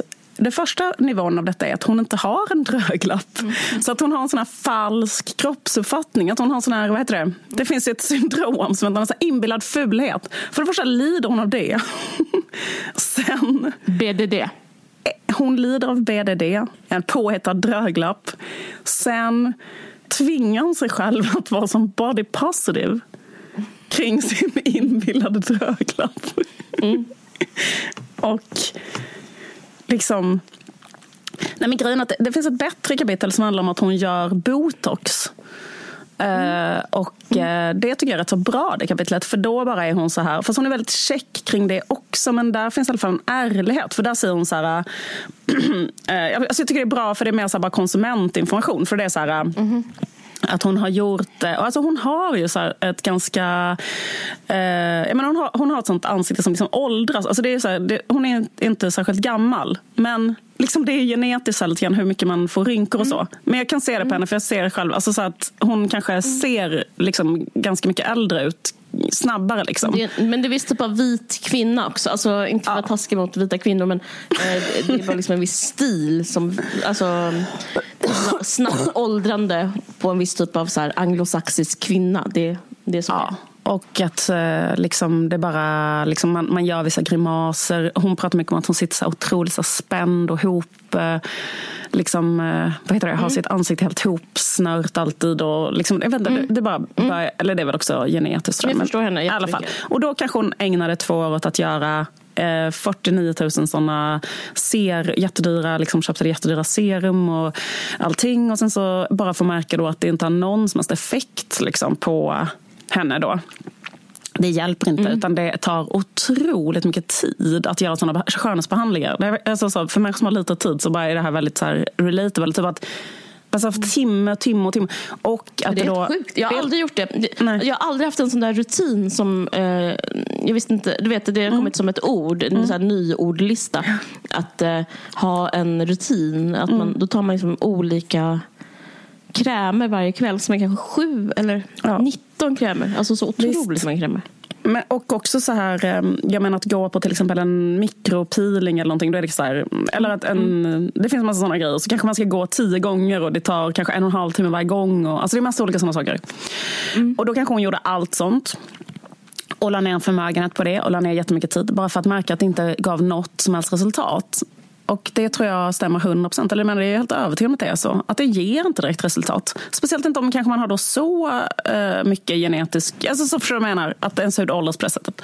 Och då gjorde hon istället botox. Eh, och då blev det, liksom, då ser hon ut som att hon har typ sovit. Hon kände att hon såg ut som en ledsen, hopskrynklad, eh, jättegammal tant. Och hon hade liksom mm. bara inte lust att se ut så. Och då gjorde hon det och då såg hon mycket bättre ut. Jag kollade på henne nu på Babel och jag tyckte hon såg jättebra ut. Alltså, mm. i alla fall. Får jag säga en sak om hennes stil? Bara snabb mm. passus. Jättegärna. Att, äh, ja. det är stort men jag tror mycket skulle kunna räddas av, äh, du vet vissa mm, har ju klädstilen, där de var som snyggast mm. så slutar de aldrig vara, äh, ha den klädstilen. Och jag tror att hon kanske var snyggast i mitten av 90-talet. Ja. Så hon har typ en så What's up, typ så grunge-stil med mm. typ eh, kanske gröna Dr. Martens. En lång eh, hemstickad liksom, för lång halsduk, mm. jeans mm. och jeansshorts, en ro, med jeansshorts, ja. strumpbyxor kanske knallrosa eh, strumpbyxor. på. Ja. Precis. Och eh, så to, eh, rufsigt hår. Mm. Eh, och kanske en antingen band-t-shirt och kanske en lång, också så en lång grön skinnkappa. Mm. Men men om hon bara slutar ha den fulaste stilen i världen skulle också göra jättemycket för hennes utseende och då behöver hon liksom inte ens ha botox. Det, det är mitt tips. Precis, hon har ju en sån eh, färgad Och många som är 50 bast nu har, har nu den stilen. Alltså många som är 50 bast håller på med typ den eh, eh, kanske antingen har de baby doll eller så har de rakt av grand. Typ så här, att de tror att Dr. Martens fungerar som botox men det gör inte det. Tips från mig. Ja. Men grejen är att hon har eh, stiltips i sin... För att hon skriver om detta, att hon tittar på alla saker i sin garderob och förstår att hon inte kan ha på sig någonting av det längre. Och att hon har en stilkris. Men hon ser ganska mycket ut som vanligt ändå. Alltså sist jag såg henne hade hon ändå en leopardmönstrad eh, liksom, vad heter det, kanske frack på sig och en hög hatt. Kanske med en blomma instucken. Och rufsigt hår. Hon ser ut som den Four Non Blondes. Mm, mm, mm, det är det jag säger. Jag kanske inte hade behövt skriva den här boken. Bara. Hon är en centimeter från att ha en sån hatt. sån, sån mm. Verkligen. Men det är också någonting med Storbritannien. Ja, alltså. ja. Typ så Irland plus 90-tal plus eh, eh var 50 bast. Alltså det är någonting där som inte lirar. Men, men, Nej, men det, är, det tycker jag väl, det är min... Tips är välvillig. Ja, absolut. Men det tycker jag, alltså det är det roliga i den här boken också, att hon skriver, för att hon är faktiskt rolig när man dechiffrerar mm. det här. Eh, så att jag skrattar flera gånger. För att, speciellt Nej, hon är jätterolig. men det roliga är när hon eh, dricker, typ att hon berättar hur hon dricker. För det är också väldigt brittiskt. Jag tycker det är väldigt förlösande när hon berättar så här, till exempel att det är så här, hon är ju jättemånga syskon. Jag, det här identifierar med henne, det har jag också. Och att när man träffar sina syskon och att de ska diskutera deras föräldrars skilsmässa. Och att de börjar dricka gin och tonic. Och sen att hon har så en minneslucka som varar från så här, typ att, varför satt vi på min altan? Jag har ett svagt minne av att jag står på en stol och sjunger Jesus Christ Superstar, ett tema därifrån. Och att sen att hon har en bula i huvudet sen vaknar så här, det här är jag när jag festar med mina syskon. Så då känner jag 100% igenkänning. vad fan är detta liksom? Men att det fanns en sån konstig... Men, men, men, men att i, i, i, i Storbritannien så festar folk mm. så. Alla dricker så mycket varje dag. Mm. Och det tycker jag var ganska mm. kul beskrivningar av bara hur det var att vara en sån britt. men, typ, men nu kommer jag till en sak då som eh, jag tyckte var eh, eller liksom, jag ska bara göra min konklusion här. En annan del i boken som är helt fruktansvärd eh, mm. är då att en sak som hände henne, hon har två döttrar som hon skriver om.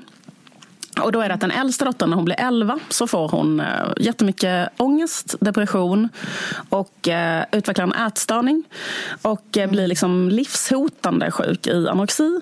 Och eh, blir så sjuk, du vet, så att man måste Alltså hon gör flera självmordsförsök, hon tar överdoser, hon skär sig. Och det pågår kanske i fyra år. Så att under fyra år så måste hon och hennes man kanske sitta så utanför den flickans rum och vakta så att hon inte ska gå ut och kräkas och sådär. Liksom. Och eh, jag ska bara liksom spela upp för dig vad hon sa om detta i eh, Babel. Och då ska jag säga att hon börjar med att säga så här. Hon var 11 och började bli väldigt ledsen och få ångest. She was 11 and she started to become very sad and anxious and I generally think I am a good mother. I'm very present and sort of open um, and honest and attentive. But the one big fault that I had is that I was raised in a household where if you were sad, no one cared. You just put on a smile and get on with the day. And and I was scared of sadness. So when I saw that she started to become sad, I was scared. I couldn't address it. I did not acknowledge it. I would try and jolly her out of it. I would try and lecture her out of it. I would become angry. I would try and distract her. I would do anything other than the thing that I needed to do, and that took me two years and a lot of therapy to be able to do, which was to sit down and look her in the eye and go, You're sad. I can see that. I acknowledge that. I am not scared of that. And we're going to get through this together. Jag hörde vad hon sa. Eh, Hon sa så här att eh, hon... eh, Åh, Caroline. Förlåt att jag har sånt, såna jobbiga material med mig. Bara så konstigt. Det är Zombie. jag som är så känslig. Det skulle varit så hemskt om hans dotter skulle... Ja, Förlåt. Okej. men usch. Nej, men, för, Nej, nej, men skit i det. Nej, men, det vi vi men bara, vad- just vad- go on with it, go on with it, joy Ja, precis. Caroline. Ja, ja. Joy, Nej, jolly. men, Eh, hon vad insiktsfullt att säga det nu då, för att det är verkligen sant att, Mm. eh, att bara så här lyssna på någon som är ledsen. Det är ju då känslan att hon är rädd för då ledsenhet, mörker. Exakt. Och hon har fått lära sig att man måste bara put on a smile and get on with it. Och liksom Det är också hon... brittiskt där, stiff upper lip och liksom inga känslor och så. Ja, men jag känner också att det är liksom det som kanske liksom på något sätt kan hända då liknande då den här situationen. Alltså att man, ba, att man förvisar negativitet från sitt liv på något sätt och er, Ja. ska ersätta allt med hurtighet. Ja. Eh, och liksom väldigt tillkämpad positivitet. Och när då... Det finns ju något som heter toxisk positivitet. Jag vet inte om du talas om Nej. det. Jo, det är en liksom ny grej som har kommit nu som typ, de, ger TED-talks om som är så här, Mm. ja, men i self jag ska absolut inte dröja kvar- vid det, men det finns i self-care-kulturen så pratar man eh, så mycket om positivitet och nu så har liksom det slagit över att människor mår du borde verkligen kolla upp det här för det är liksom exakt vad du pratar om att det finns toxic positivity som är så här Eh, om jag, man ska säga att man är glad, man ska säga att man är tacksam.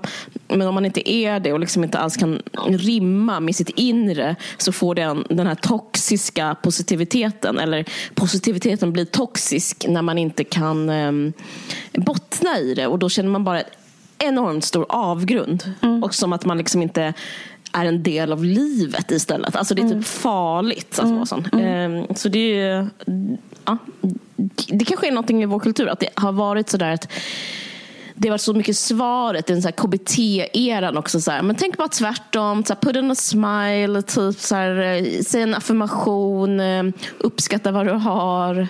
ehm, så, för, så blir man liksom förtryckt. Men det var verkligen en parentes. Men, ja. Ja, nej, men det är verkligen eh, sant. För jag tänkte liksom på att hon säger att hon har gått i två år i terapi och uh, löst det. Det är möjligt att hon har löst det i relation till sin dotter. Så att hennes dotter kan få vara ledsen. Eller, för det som hennes dotter upplever är ju verkligen de här uh, otroligt mörka eh, sakerna då, som finns i livet. Att hon har jättemycket ångest, att hon känner att hon vill dö. Att hon, alltså sådär. Och eh, då liksom... Eh, de här sakerna är ju en del av livet, om man ska säga. Och eh, det är ju det som är eh, såklart att man måste försöka acceptera att det är så.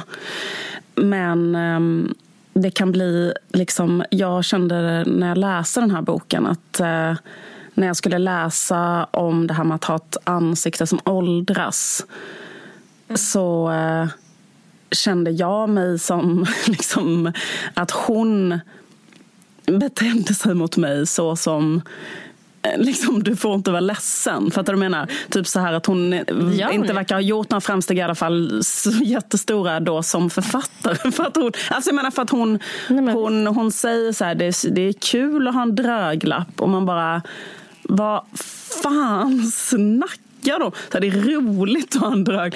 Man bara, men liksom nu Liksom, nu, nej men alltså Caitlin, nu, nu får du liksom gå tillbaka in i terapirummet. Alltså, du, du kan inte ljuga så här mycket. Alltså, det är liksom inte... Alltså, eller förstår du vad jag menar? Eller, eller, för då, Jo, oh ja. Oh ja. det är liksom bara så här, nu är det back to therapy lite va. Um, back to Freud. Connect Sätt with death stolen igen. Sätt, ja, tillbaka till terapisoffan. Turn around. Nej, men liksom för att hon försökte med käcka tillrop eh, distrahera sitt barn bort från liksom, eh, känslan av död. Och Ja. eh, det var liksom lite grann hur man kände, jag kände mig när jag läste det där med Dröglappen. Att liksom, eh, och då, då, då kände jag lite grann för att jag, tyckte, liksom, jag tycker det ska vara så spännande med medelålders kvinnor eller kvinnor i den här åldern.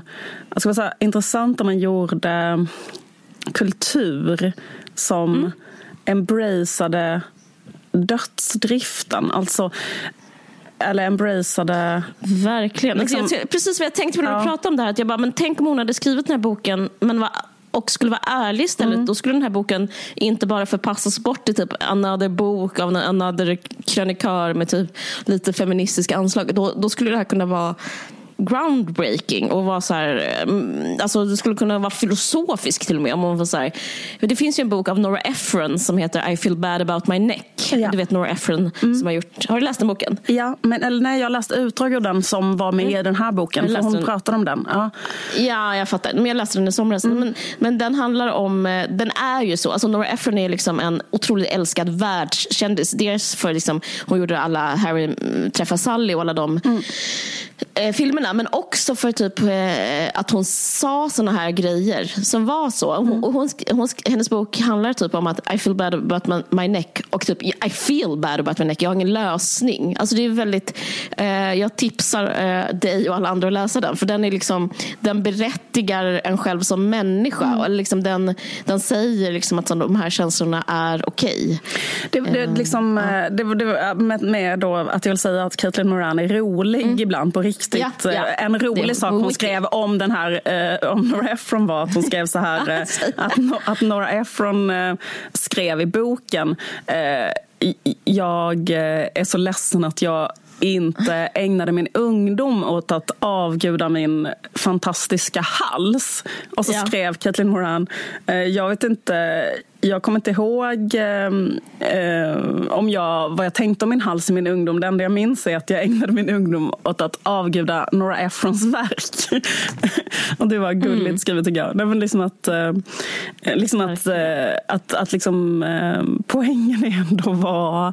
Alltså, eller jag, menar, jag fattar att Nora Ephron inte känner så, men eh, sanningen är ju att eh, liksom, hon har gjort saker som har fått människor att Liksom, alltså, att, att, att, så. hennes Nej, men- värv nej, är, är är, att hennes hals är inte liksom, viktig i sammanhanget egentligen såklart. Men, Nej. men det som jag tyckte var... Nej, men för jag tänkte att när jag eh, tänker på eh, döden och mitt ansikte ska förruttna och att man mer och mer ska Mm. likna en sån zombie och allting går mot grönt. Då känner jag mig så som eh, de här... Den eh, kråkan. Ja, men jag känner som den kråkan, jag känner som den här musiken. Jag ska spela lite Ja. till. Får jag göra det? ja, visst. The past is alive.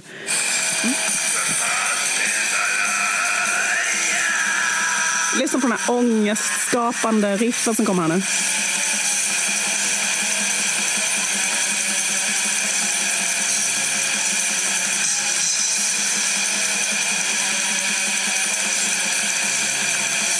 Bara som sån jobbig, hamrande, upprepande ångest. Skitsamma.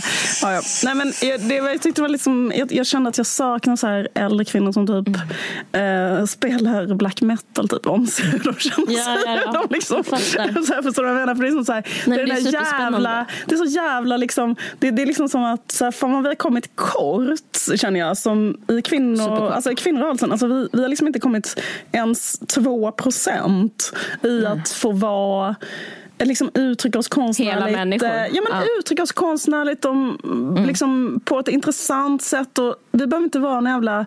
Det är som att liksom, kvinnor i början av när kvinnor började få yrkesarbeta så blev alla kvinnor skolfröknar.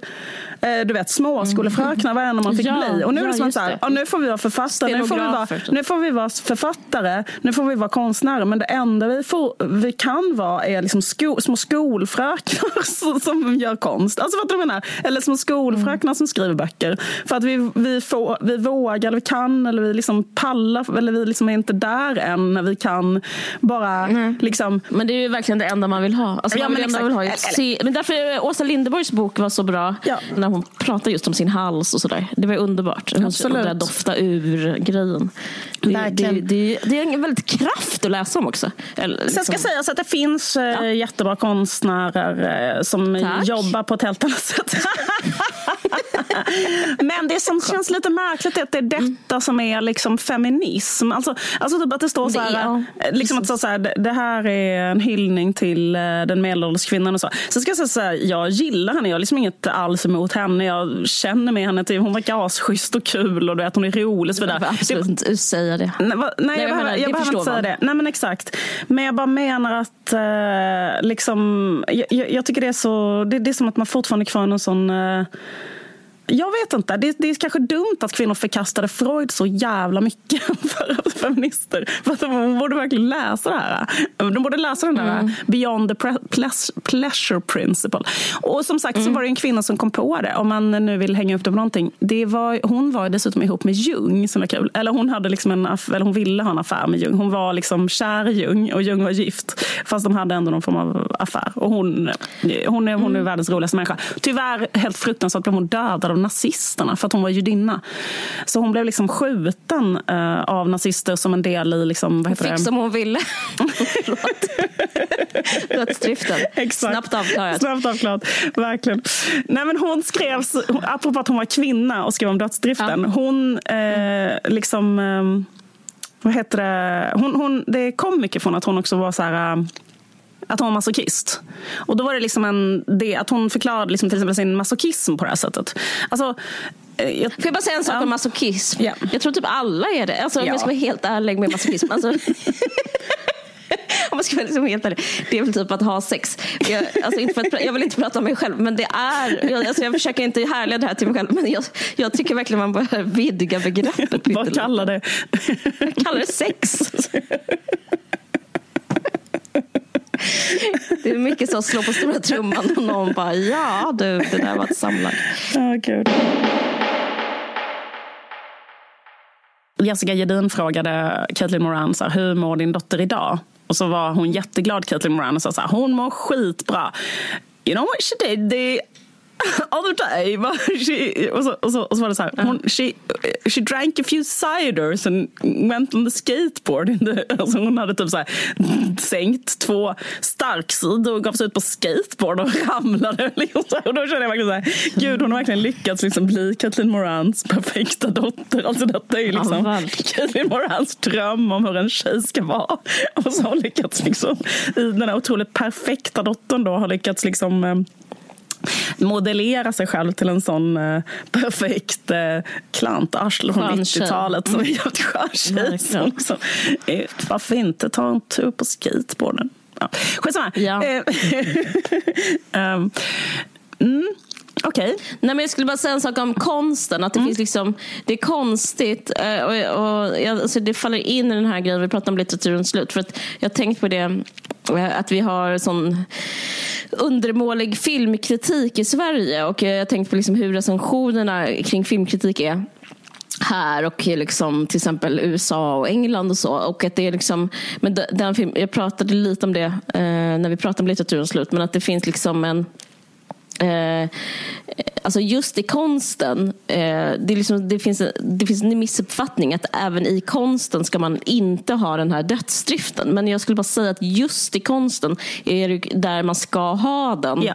eh, dödsdriften. Och den dödsdriften är ju ful. Alltså förstår du vad jag menar? Den är inte moralisk. Eller Nej. den är, liksom, den är till och med dekadent. Och den är liksom, det är konstnärens fel. Men jag tycker också det liksom finns en hela tiden slagsida att man ska så här, trycka ner saker som ändå så vis, försöker vara så lite. Typ. Om någonting är lite, nå- något verk är lite på dekis och lite dåligt så är det typ eh, så, så tror folk att det eller så tror recensenterna att det är en ett dåligt verk. Men det var bara det jag skulle säga. Alltså dödsdriften är en Eh. otroligt konstnärlig motor. Det är motorn Ja, till men all... jag tycker inte man gör någonting ja, av det. Ja, ja, men exakt, men det är motorn till jävligt mycket konst. Alltså, typ så här, det känner man ju Ja. själv. Om man är ledsen och mår dåligt så är det ju väldigt bra att till exempel skriva en dikt. Alltså du vad jag menar? Det är ju det som är liksom räddaren i sådana situationer.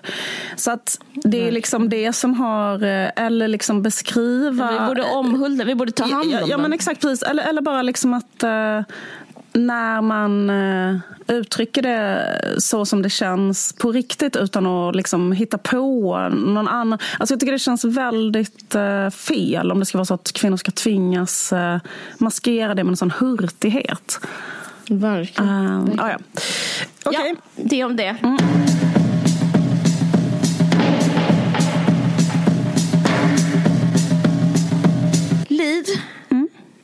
Eh, Teater Västernorrland sätter upp Dödsdansen Wow. av en, eh, en po- friend of the pod, får man väl kalla honom. August Strindberg. Absolut. Dödsdansen, ja, nej men vi älskar honom. Dödsdan, alltså jag är jätteglad för det här och jag ska absolut se den. Dödsdansen är en klassiker av August Strindberg som skrevs år 1900. Makes you think. Det är så himla länge sedan och ändå är den mer aktuell aktuell än aktuellt. Nej, jag skojar. Men den är mer aktuell. Ja, det är den är mer aktuell än liksom allt som eh, görs typ, på tv. Eh, nej, men det, jag tycker den är intressant för den utspelar sig i en tid av förberedelse inför en karantän. Eh, två äkta makar, eh, artillerikapten och Edgar och före detta skådespelerskan Alice. Undrar om det kan vara då Siri på näsan. Nej. Ja. Ja, vad, vad, Siri von Essen, eh, för jag tänkte på en annan, fan jag kan inte min Strindberg. Var Siri von Essen också en skådis? Var det inte det? Jo, men det var hon. Han, och han var ihop med, var det Bosse? Ja, skitsamma, han var ihop med olika eh, skådisar. Typiskt Strindberg. Mm. Jag tror att det här är säkert baserat på verkligheten. Eh, de är isolerade på en skärgårdsö i alla fall. Har man ju varit. Inför sin silverbröllopsdag får de oväntat besök av sin vän Kurt. Och ett osande triangeldrama tar sin början. Wow. Ja, men så himla kul. Och ehm, jag har inte sett Dödsdansen tidigare. Alltså jag har bara sett, alltså jag har sett Fröken Julie och eh, vad heter den där, där det är synd om människorna? Vilken pjäs är det av Strindberg? Mm, det är ju ehm, ett drömspel. Är det. Ett drömspel är det. Har du sett Dödsdansen tidigare? Nej, jag har faktiskt inte sett den. Det verkar låta skitintressant. Det är mina tre stora intressen. Triangeldrama, Skärgårdsö. eh, skärgårdsö och eh, döden. Ja, nej men det är helt underbart. Eh, men eh, Dödsdansen den här gången som eh, på Teater Västernorrland är inte likadan som den som sattes upp år 1900. Eh, det här är regissören Alexandra Czarnecki Plåd. Eh, hon, har varit hon har valt att tillsammans med skådespelarna undersöka texten och berättelser via kroppen. Som rätt så mycket så tysta handlingar, ordlösa partier eh, till musik. Eh, för att liksom visa de inre konflikterna och undertexten. Jag såg ju Lars Noréns um, Stilla liv på Dramaten där inte ett ord sades. Och ehm, um, tro det eller ej, men det kan vara riktigt fett att se vad ska man säga? Att inte se text så mycket på scenen. Alltså det, jag tror verkligen på det här sättet att berätta just för scenkonst. Så att, eh, jag tycker det låter svinbra. Ja, men i alla fall skit i det. Vi har en jättefin present från Teatern Västernorrland till våra lyssnare. Med koden DD varg, alltså dödsdansen varg, versaler, så får ni se föreställningen, nu, håll i dig nu vad jag ska säga, gratis. Va? Kom inte, jag skämtar inte. DD Varg i versaler. Gå in och se föreställningen gratis. Eh, och nu ska jag säga hur man gör. För att det, gör bara det här, för det är sinnessjukt att inte göra det. Gå in på void.se. Det stavas v-o-y-d.se. E. Och sen så sök på eh, dödsdansen och så klicka på köp och välj värdekod. Och då behöver ni inte köpa någonting. Då bara skriver ni in den här koden som vi är jättestolta att få ge till er. Och eh, liksom, egentligen ja, kostar det en massa pengar men inte för er. Och eh, den är helt underbar. Alltså vi, om man älskar Strindberg, om man älskar oss älskar man Strindberg och då älskar man den här. Så att, eh, tack så hemskt mycket eh, Teater Västernorrland. Tack så hemskt mycket. Och liksom, eh, vilken jävla present. Helt otroligt. Vi fortsätter vårt underbara samarbete med Bonniers konsthall. En av mina absolut favoritställen för konst i Stockholm. Och jag kan faktiskt motivera det här och nu. Varför? Konsthallen är så jävla underbar. Den är så vacker. Den ligger vid spåren. Det är liksom så mycket Stockholm. Vasaparken är om hörnet. Astrid Lindgrens lägenhet och trädet hon tittade ut på när hon satt och skrev. Allting är liksom komprimerat. Och där finns samtidskonsten som är ja, som, som är det mest spännande just nu.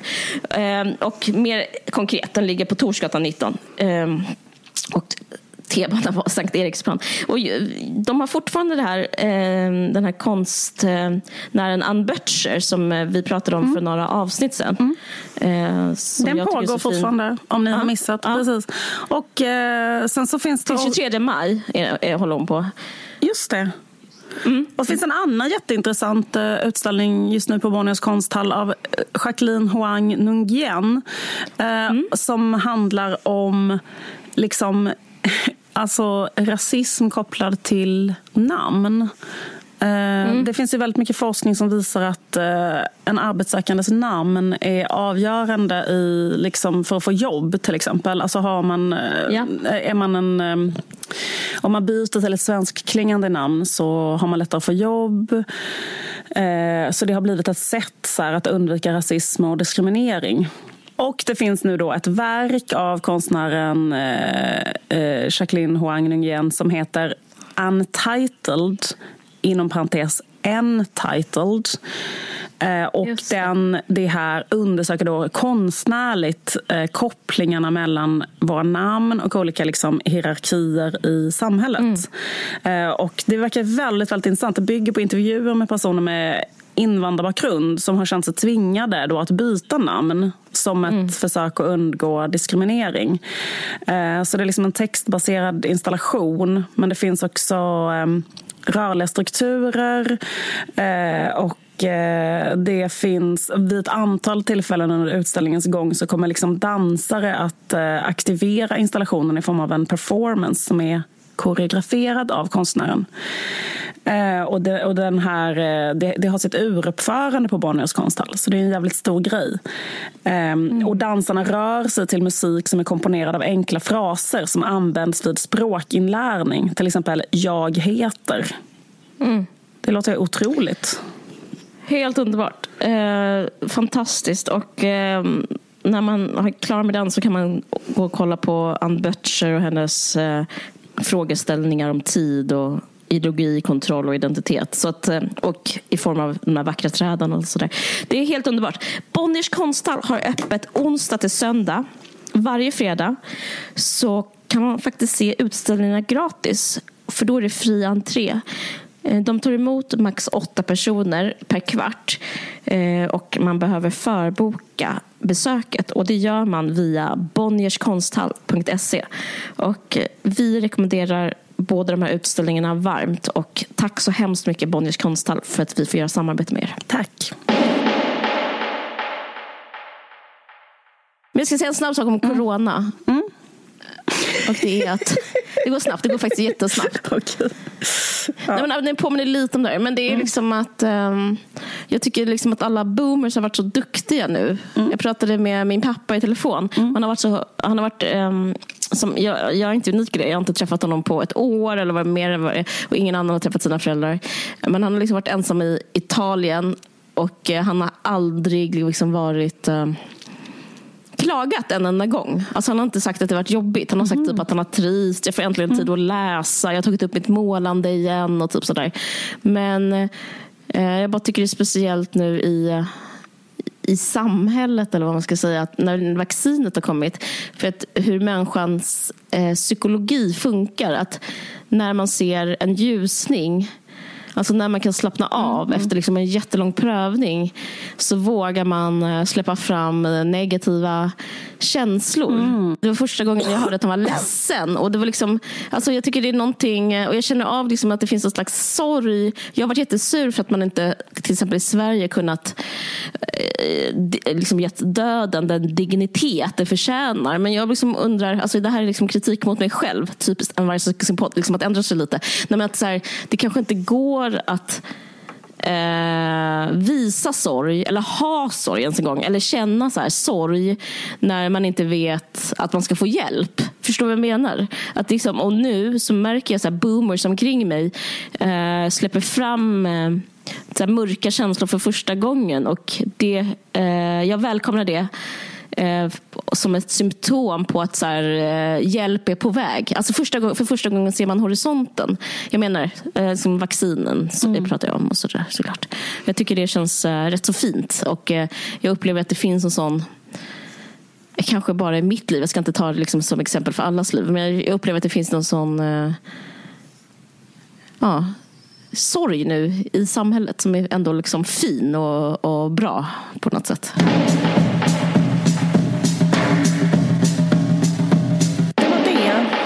Det var det, det var det vi hade. Okej. Det var la bra, det var bra, det var det. Nu måste okay, både men... du och jag hämta våra barn för att de inte kan vara på dagis på grund av corona. Nej. Så det blir inte mer jobbat denna veckan för oss. Tack så hemskt mycket. Eh, gulliga människor som lyssnar. Tack så mycket gulliga Aftonbladet som hostar oss. Ja. Och eh, speciellt faktiskt tack till alla er supergulliga människor som lyssnar på den här podden. Eh, mm. Och eh, vi hörs igen om två veckor. Det, det, det tickar på, det rullar på. En på vi rullar på tåget. Men eh, det kommer också bli... När, när, är det tio år nu? Nej? Nej. 2022. Oj. 2022. Ja, men det, kommer bli en, det kommer bli en överraskning då. Vi hörs sen. Hej då. Hej då. Fan, jag fastnade. fastnade.